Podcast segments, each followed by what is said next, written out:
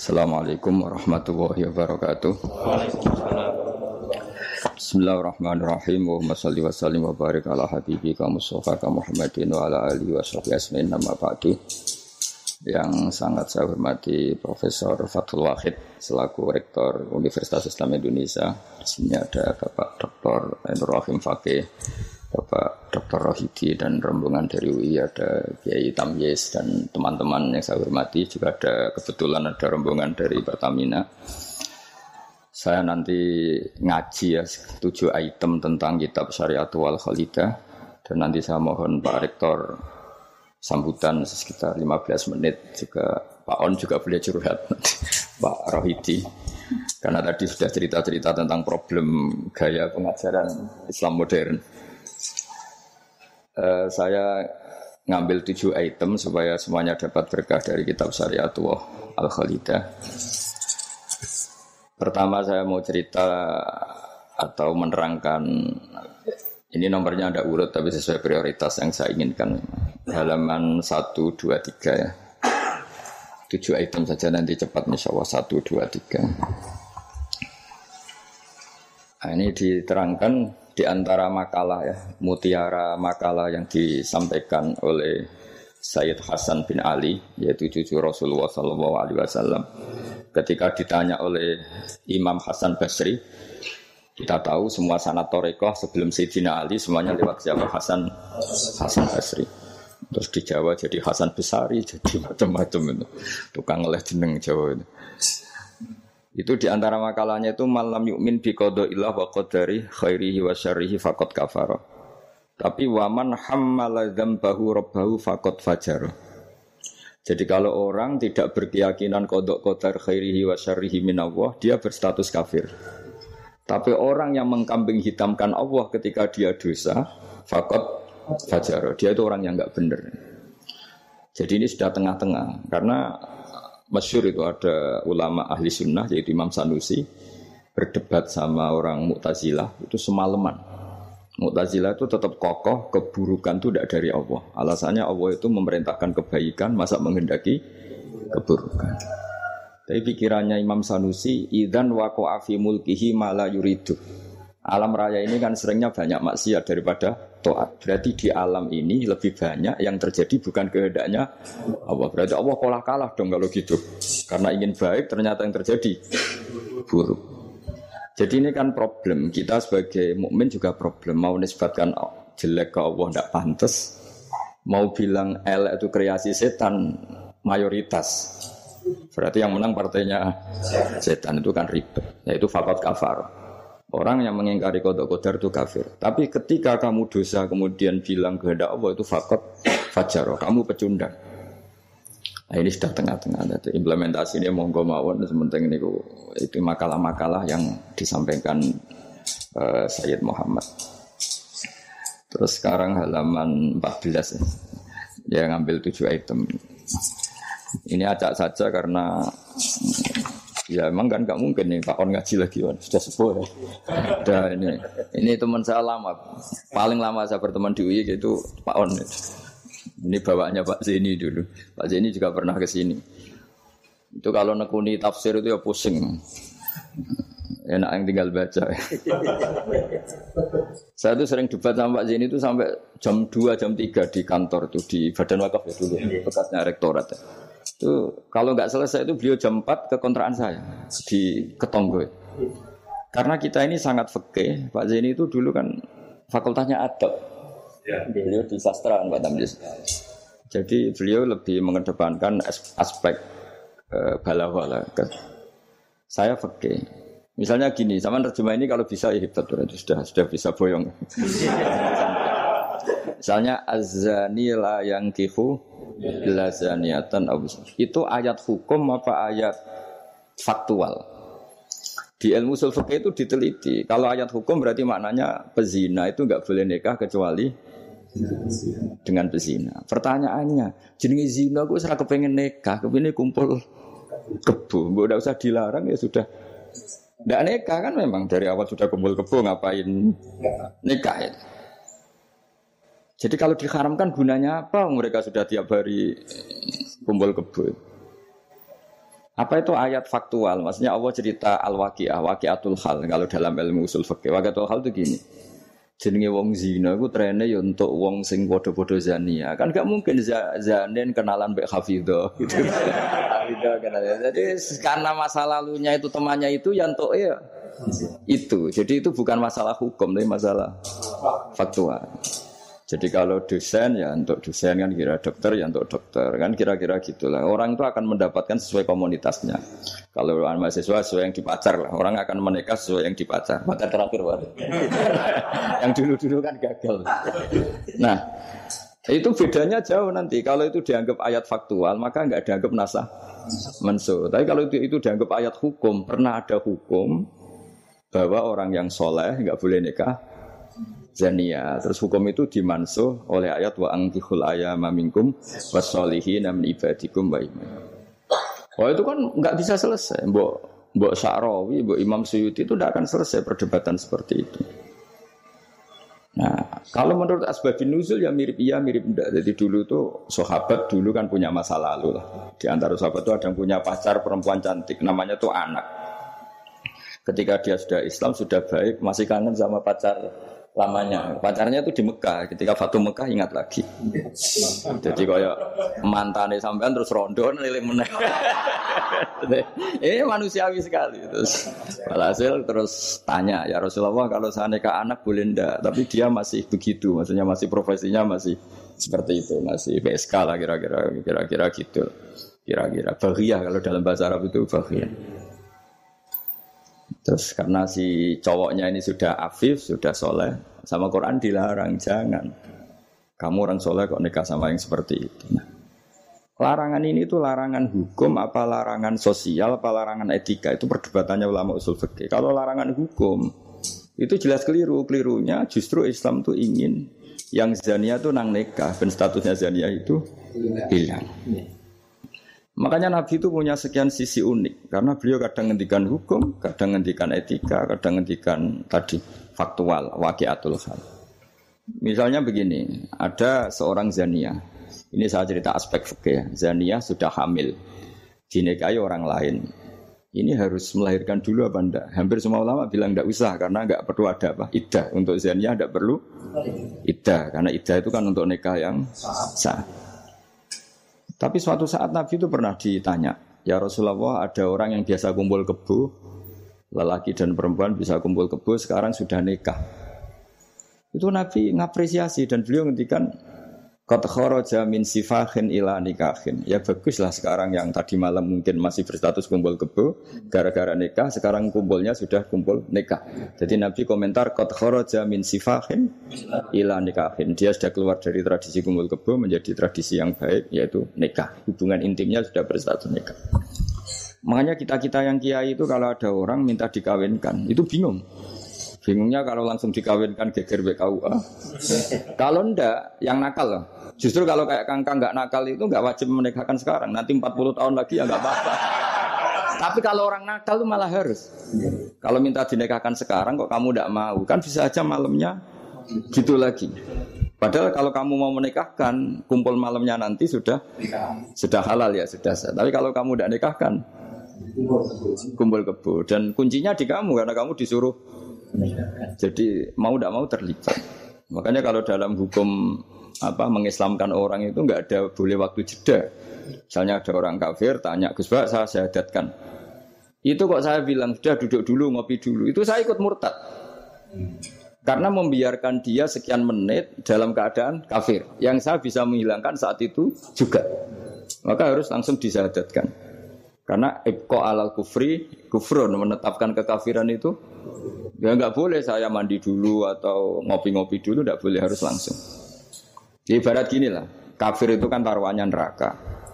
Ibarat ada orang kecelakaan, kamu pas pakai celana pendek di jalan kan nggak boleh kamu tak pakai baju dulu. Sedang dipelindes truk lagi kan, harus langsung meskipun anda dalam kondisi yang tidak sempur, sempurna. Nah, resikonya tadi pas kamu bikin kopi ternyata orang itu mati, berarti matinya mati kafir. Yang anda kan langsung kamu talkin syahadat, dia mati Islam. Begitu juga orang yang kumpul kebo minta kamu nikahkan sekarang. Kalau kamu nikahkan maka nantinya sudah kumpul nikah. Tapi kalau enggak, Nah tapi kalau orang soleh seperti ini biarin aja nggak apa-apa. jadi orang soleh itu ya ada resikonya karena sepe tidak mengharuskan nang nikahkan itu. Nah lagi kembali tadi azani la yang kihu illa zaniatan au musyrikah. Itu itu faktual, apa hukum, apa etika. Ya kita mau tidak mau debat karena kita nggak nggak punya pilihan. Lama ada mengatakan tunas samanso, ada yang nganggap itu wakiatul halannya, ya kondisi sosial pasti seperti itu kan. Nah, masa Zani misalnya terus akrabnya sama Hafidho atau Solihah kan kemungkinan itu kecil. Kalaupun akrab ya mungkin yang satu nipu kan, pura-pura ada ada orang hidung belang kan. Nah itu mau tidak mau itu harus debat seperti itu. Terus kedua aspek yang sering saya debat dengan Pak Zaini itu aspek bahasa fikih. Bahasa fikih itu menuntut vulgar. Nggak boleh kinayah, nggak boleh persemuan tarik. Kalau bahasa bahasa ini karena beliau biasa kesusastraan itu lebih halus. Itu memang ya ribet. Ya karena kita enggak, sering tidak punya pilihan. Ulang lagi sering tidak punya pilihan. Nggak boleh misalnya zina itu dibahasakan tidur bareng. Nggak boleh. Karena kalau tidur bareng dihukumi zina berarti orang yang tidur bareng tidak melakukan itu boleh dirajam kan. itu kalau di harus vulgar. Ada saksi yang menyaksikan itunya masuk sampai dubetel. Yeah. Saksi ngerti tidur bareng atau berdempetan saja nggak nggak boleh. Jadi ya agak kacau memang bahasa fikih itu mau tidak mau harus harus vulgar. Kayaknya orang-orang etik itu ndak ndak mau. Nah, di sini terus misalnya ada masalah ketika aula mastumun nisa. Aula mastumun nisa itu bahasa sastra apa bahasa beneran gitu. Kalau bahasa sastra berarti Quran itu sangat halus sehingga membahasakan jima itu lamastum. Nah Ibnu Abbas berpendapat itu atau kamu hubungan intim sama istri kamu itu membatalkan wudhu. Nah ini yang kelompok-kelompok tertentu berpendapat gitu makanya untuk batal nunggu hubungan suami istri. Tapi ada ulama mengatakan lamas itu memang benar-benar nyentuh. Jadi sekedar nyentuh tangan ini sudah batal. Jadi efeknya ini besar. Yang satu bilang lamas tum kinayatun anil jima sehingga untuk mengatakan batal harus nunggu jima. Yang satu ya memang lamisa memang pegangan saja. Nah, terus jadi dua kelompok mazhab itu. Jadi memang perdebatan memaknai Quran itu ya mau tidak mau. Cuma kalau sama-sama ahli kan masih ada ringnya. Nah, sekarang yang ribet itu mau Quran rai isane terjemah melok nafsi riwayat itu. Musibah itu. itu musibah besar. Nah, karena Quran itu kalau bahas bahasa itu diulang. Diulang ini supaya maknanya itu begitu. Kadang sama. Makanya kata Imam Ghazali ngulang itu karena sama. Misalnya gini ya. Tak beri contoh ya. Orang dosa itu pasti punya akibat ke orang lain. Disebut ajroma. Ajroma itu melukai orang lain. Innal ladina ajromu kanu minal ladina amanu yathakun. Tapi nanti digenti. Kalau ajromu ini ditafsir digenti kafaru karena di belakang digenti fal ladina amanu minal kufar bukan minal mujrimin. Jadi di depannya pakai kata ajromu, di belakang pakai minal kufar. Misalnya tadi ada tiga kelompok di akhirat menerima tangan kanan, menerima buku dengan tangan kanan, kedua dengan tangan kiri. Tapi yang terlalu buruk itu waro adhori, menerimanya membungkungi, membungkungi yang ngasih. Jadi misalnya kamu malaikat yang ngasih buku, ya terus lama ya sudah yang fatal itu ya sudah nerimanya dengan tangan kiri, dia membungkungi yang ngasih. Jadi sudah ngawur secara etika, misalnya dipanggil si A sini.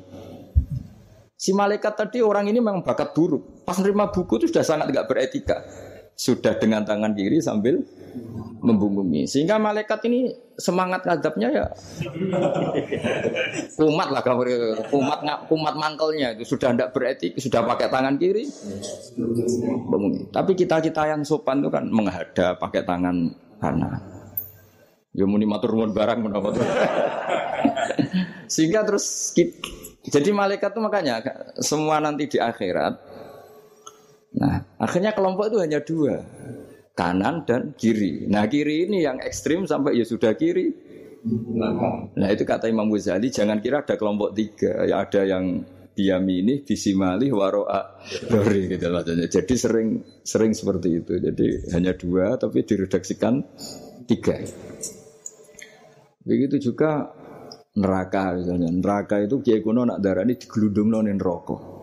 Itu bahasa paling bener ya.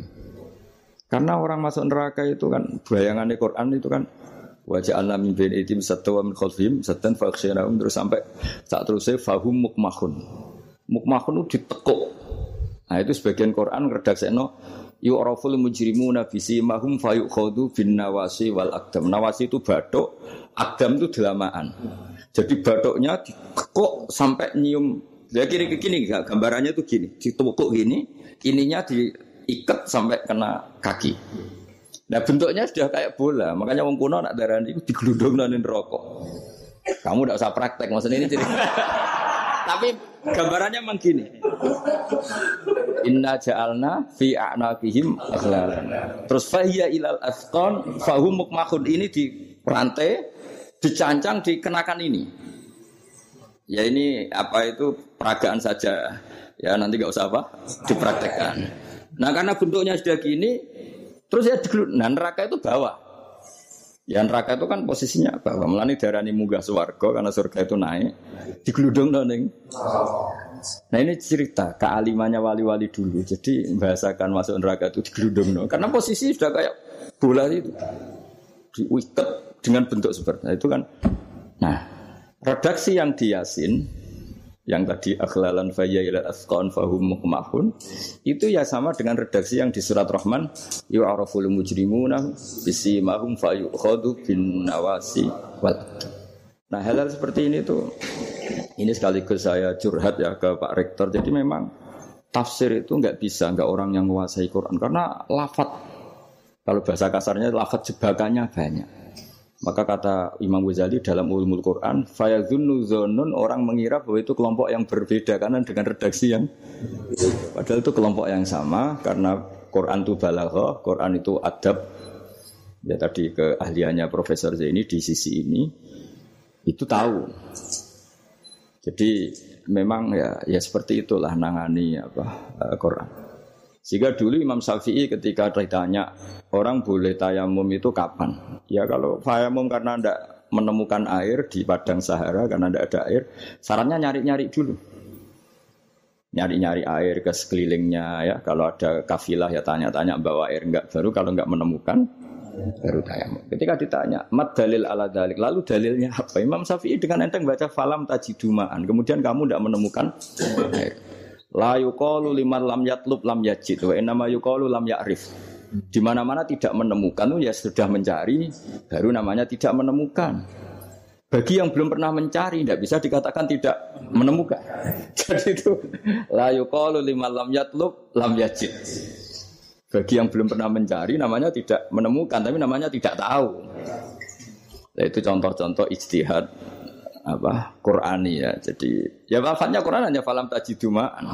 Tapi namanya tidak menemukan berarti ada sabit tolak. Mesti dimulai mencari. Ya, terus berikutnya ini ya acak saja. Enggak sampai tujuh ya enggak apa-apa sih kenanya aja. Ini kan curhat uh, susahnya nerjemah Makanya terjemah itu antar orang alim ya beda, bodoh sama alim tambah beda.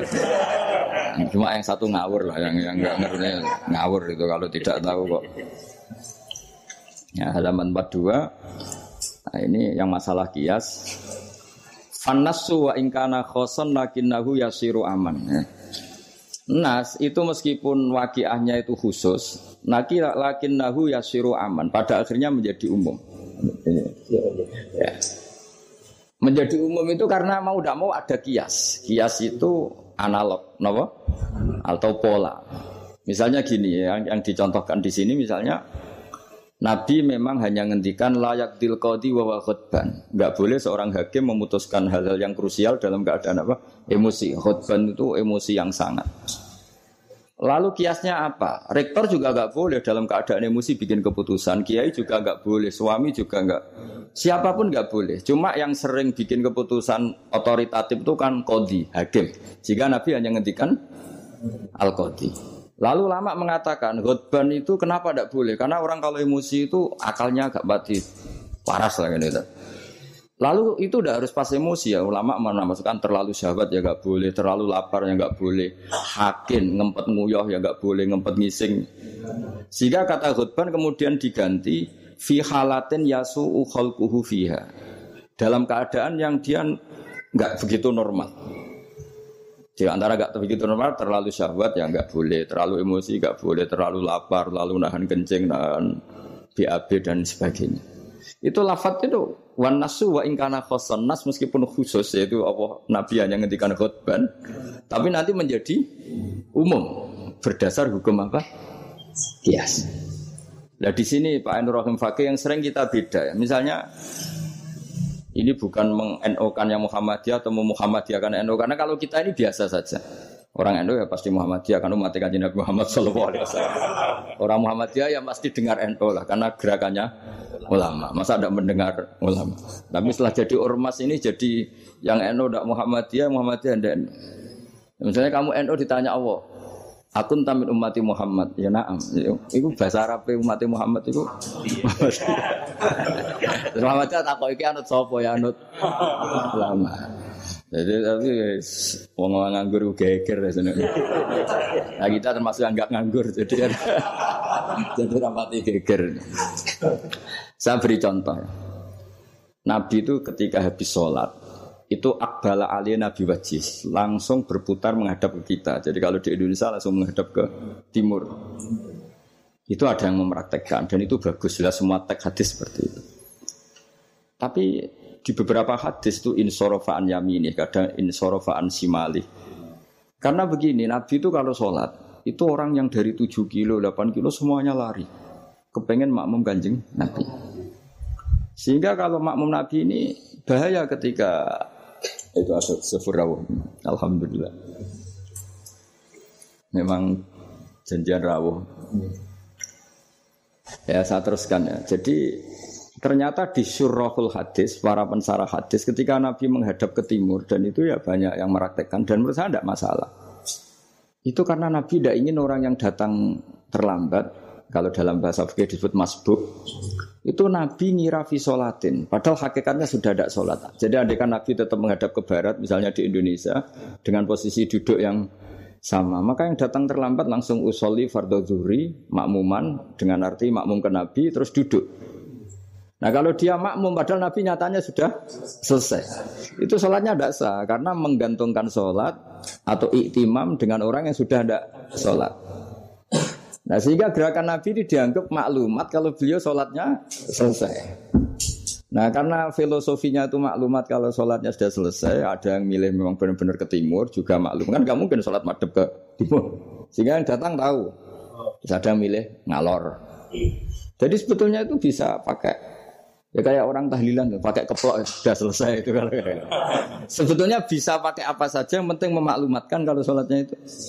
Ini yang ngendikan tidak saya kitab Fathul Bari karangannya Ibnu Hajar al Asqalani Sarah Bukhari paling populer. Nah itu yang disebut Sayyid Muhammad wa nasu wa ingkana khoson fa innahu yasirun aman. Ya kayak tadi misalnya laik tilqadi wa huwa khutban, kemudian khutban ini memasukkan semua kondisi yang kita kurang fit. Itu tidak boleh bikin apa? Keputusan. Kodia juga kita ganti. Tidak harus kodi Pak Rektor, Pak dosen, seorang suami kalau bikin keputusan jangan dalam keadaan yang khutban atau ngempet nguyah, ngempet ngising, hakin itu. Kalau dalam bahasa Arab hakinan itu. Nah ini penting saya utarakan karena kalau kita terlalu tekstualis, itu nanti kita naik Innova tidak perlu baca subhanallah di lana hadza. Karena ayatnya itu kan wal khayla wal bihola wal hamira litarkabuha wa zina. Ini tidak ada Innova ini. Ayatnya ya litas tahu ala ya sumatas guru ni'mata rabbikum idza stawaitum ali wa taqulu subhana. Ini kan jelas litas tahu ala zuhur ini Innova tidak ada zuhurnya, ini tidak ada punggungnya. Jelas ayat sebelumnya tentang wal khayla wal bihola wal hamira litarkabuha wa zina. Nah, jadi kalau terlalu tekstualis maka naik Innova Ferrari itu tidak usah baca Subhanallah di karena ayat ini tentang biwa ya, tentang tentang biwa tentang khimar dan seterusnya